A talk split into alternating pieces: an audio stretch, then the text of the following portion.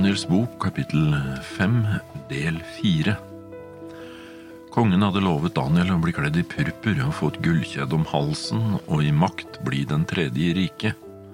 Men Daniel hadde bare svart kongen, dine gaver kan du beholde selv, belønningen gi det til en annen.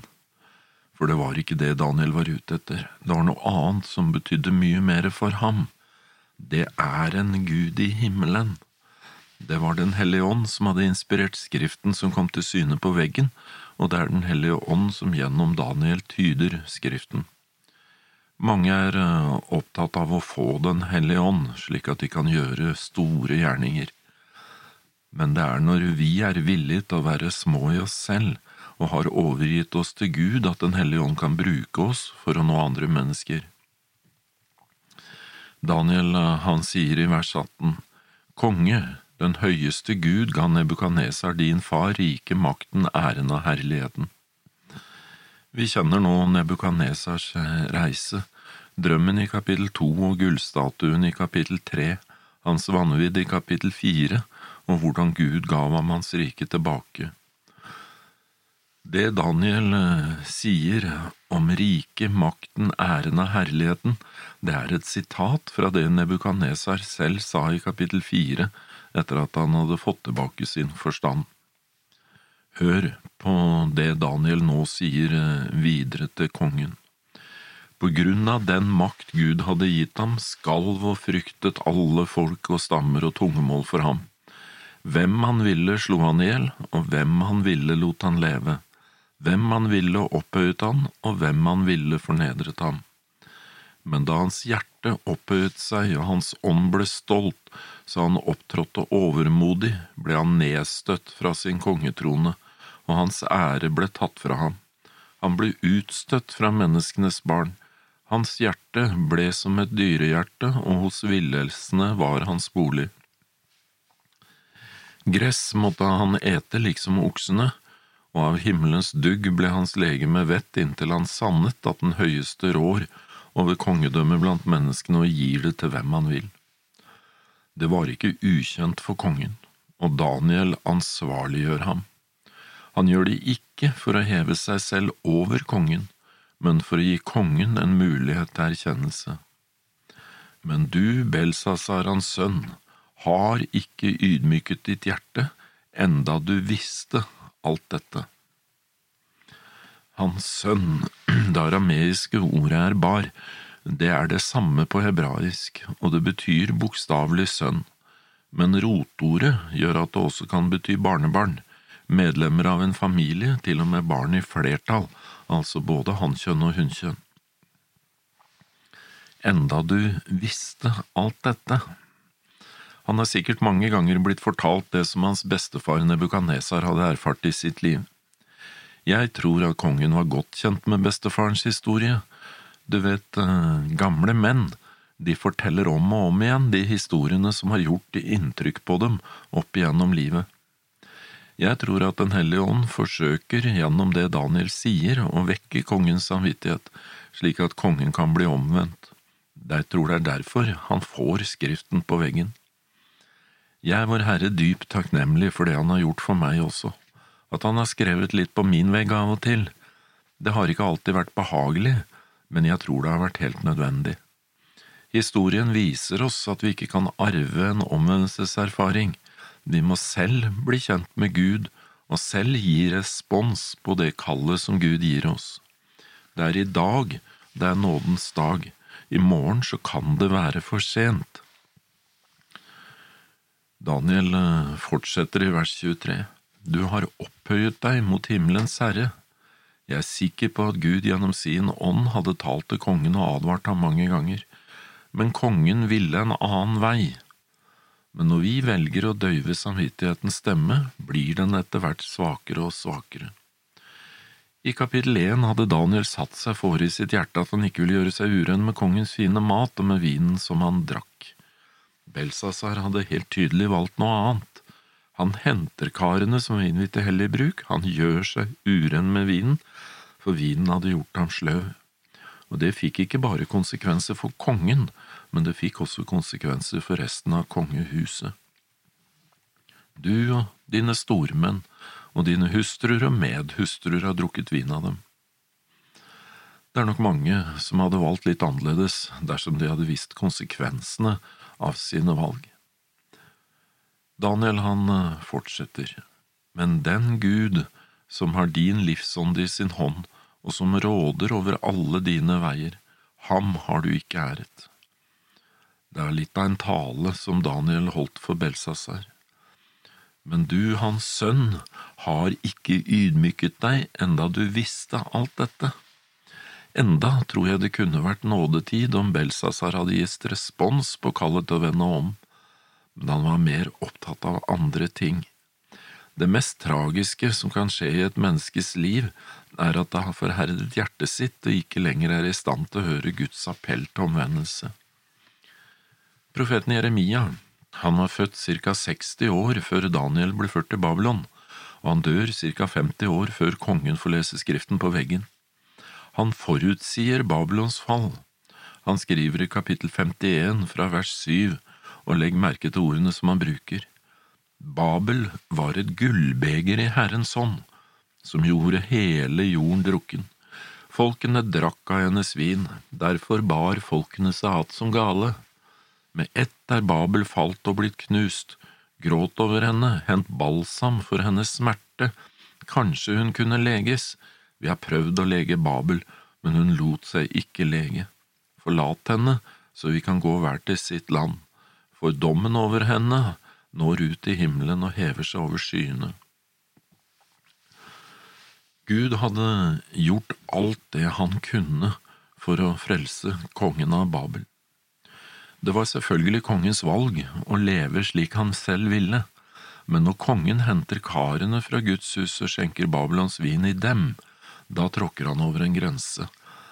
Han blander sammen det som er helliget Herren, med det som er vanhellig. Han opphøyer seg over Gud og alt det som er helliget Gud. Derfor ble denne hånd sendt fra ham og denne skriften skrevet. Vet du, så mye bryr Gud seg selv om en hedens konge.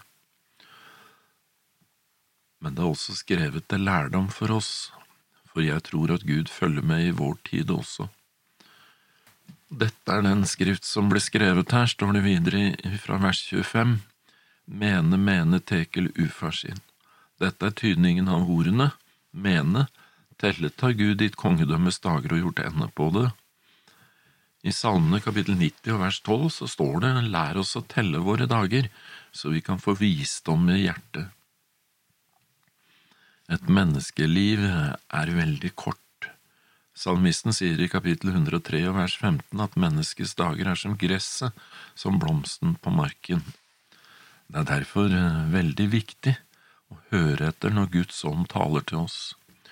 Profetene er ikke sendt for å plage oss, selv om de sier ting vi ikke liker, men fordi Gud elsker oss og har et stort ønske om at vi skal bli frelst. Paulus han sier i Hebreerne kapittel 3 vers 15, Når det blir sagt, og i dag om dere hører hans røst, da forherd ikke deres hjerter som ved forbitrelsen. Det er akkurat som Daniel sier til kongen, det er en gud i himmelen. Og jeg tror jo han er der fremdeles, og at han også har vår livsånde i sin hånd og råder over alle også i dag. Vers 27 Tekel, vei der du på vektskålen har funnet for lett. Jobb han uh, sier i kapittel 31 og vers 6 La Gud veie meg på rettferds vektskål. Det er Guds lov som er målet på rettferdighet, det er den vi alle skal veies mot. Vers 28 Peres, delt er ditt rike og gitt til mederne og perserne. Rotordet delt her betyr det å brekke i småbiter. De babylonske kongene ville gjerne knuse alle som sto i veien for dem, men det er en som er sterkere enn dem, som står over dem, og som innsetter og avsetter konger. Tiden var nå kommet, riket skulle gå over til mederne og perserne. Da ga Belsasar sitt påbud, og de kledde Daniel i purpur og hengte et gullkjede om hans hals, og ropte at han nå skulle være den tredje i riket i makt. Det er jo trist å lese hvordan kongen fremdeles er opptatt av gull og makt. Forstår han ikke det Daniel sier? Det var jo skjebnenatt i det babylonske riket, enda Daniel forklarer i klartekst for kongen hva som er i ferd med å skje, så er ikke kongen i stand til å ta det inn over seg. Tenk om kongen hadde sagt Jeg ser min synd, og han hadde ropt ut sin bønn til Gud i himmelen, Gud vær meg synder nådig. Men kongen gjør ikke det, og i vers 30 så står det, men samme natt ble kalderkongen Belsasar drept. Det er trist lesning. Det er mange fellestrekk med historien her i Daniels bok og i Johannes' åpenbaring. Det står noe om Babylon der også, og om det å drikke av Babylons vin, og kongene på jorden er også involvert. I Johannes kapittel 7 og vers 37 så står det at Jesus på den siste store dagen i høytiden sto fram og ropte ut, Om noen tørster, han komme til meg og drikke. Vi må ha Jesus som kilde i forhold til det vi fyller begeret vårt med. Vi må spørre oss selv hvilken kilde vi drikker av, hvor vi henter kunnskapen vår fra. Leser vi Guds ord og ber om Den hellige ånds hjelp? Det er Kristus som er livets kilde. Som Guds barn så må vi komme til Han for å få det levende vannet, ikke drikke av Babylons vin. Babylonerkongen hadde jo tatt karene fra Guds hus, det som var innvidd til Gud, og brukt dem på vanhellig vis for han hadde ikke fylt dem med levende vann, men med Babylons vin. Han blander sammen det som er helliget Gud, med det som er vanhellig, og resultatet har vi sett i festen hans. Det er ikke åndens frukt, men kjødets gjerninger som eh, viser seg. Karene, det er egentlig et bilde på oss. Vi skulle være kar til Guds ære, vi skulle være satt til side for hellig bruk. I endetidens Babylon så tror jeg historien vil gjenta seg. Hva gjør man i dag med karene fra Guds hus, de som er helliget Herren? Hva gjør man med det i forhold til Guds ord, det Gud har sagt? Har vi respekt for det Gud har sagt, eller blander vi også Guds visdom med verdens visdom og fyller karene med verdens visdom? Istedenfor at Gud får forandre oss, forsøker vi å endre på Gud og det Han har sagt, for å tilpasse det til oss. Jeg tror det har noe å gjøre med Babylons vin. Det gjør folk åndelig drukne, det sløver dømmekraften vår. Åpenbaringsboken advarer oss, for det kommer en dag da Gud tar et oppgjør med det, da Han skal telle og veie, og jeg er redd for at dommen kan komme like brått på for mange som den gjorde for Belsasar. Måtte Herren hjelpe oss til å se det Guds finger, Den hellige ånd, har inspirert i Skriften, i Bibelen vår, slik at vi kan søke Gud og ta imot Hans nåde før vi får Skriften på den kalka veggen vår, og det kan være for sent.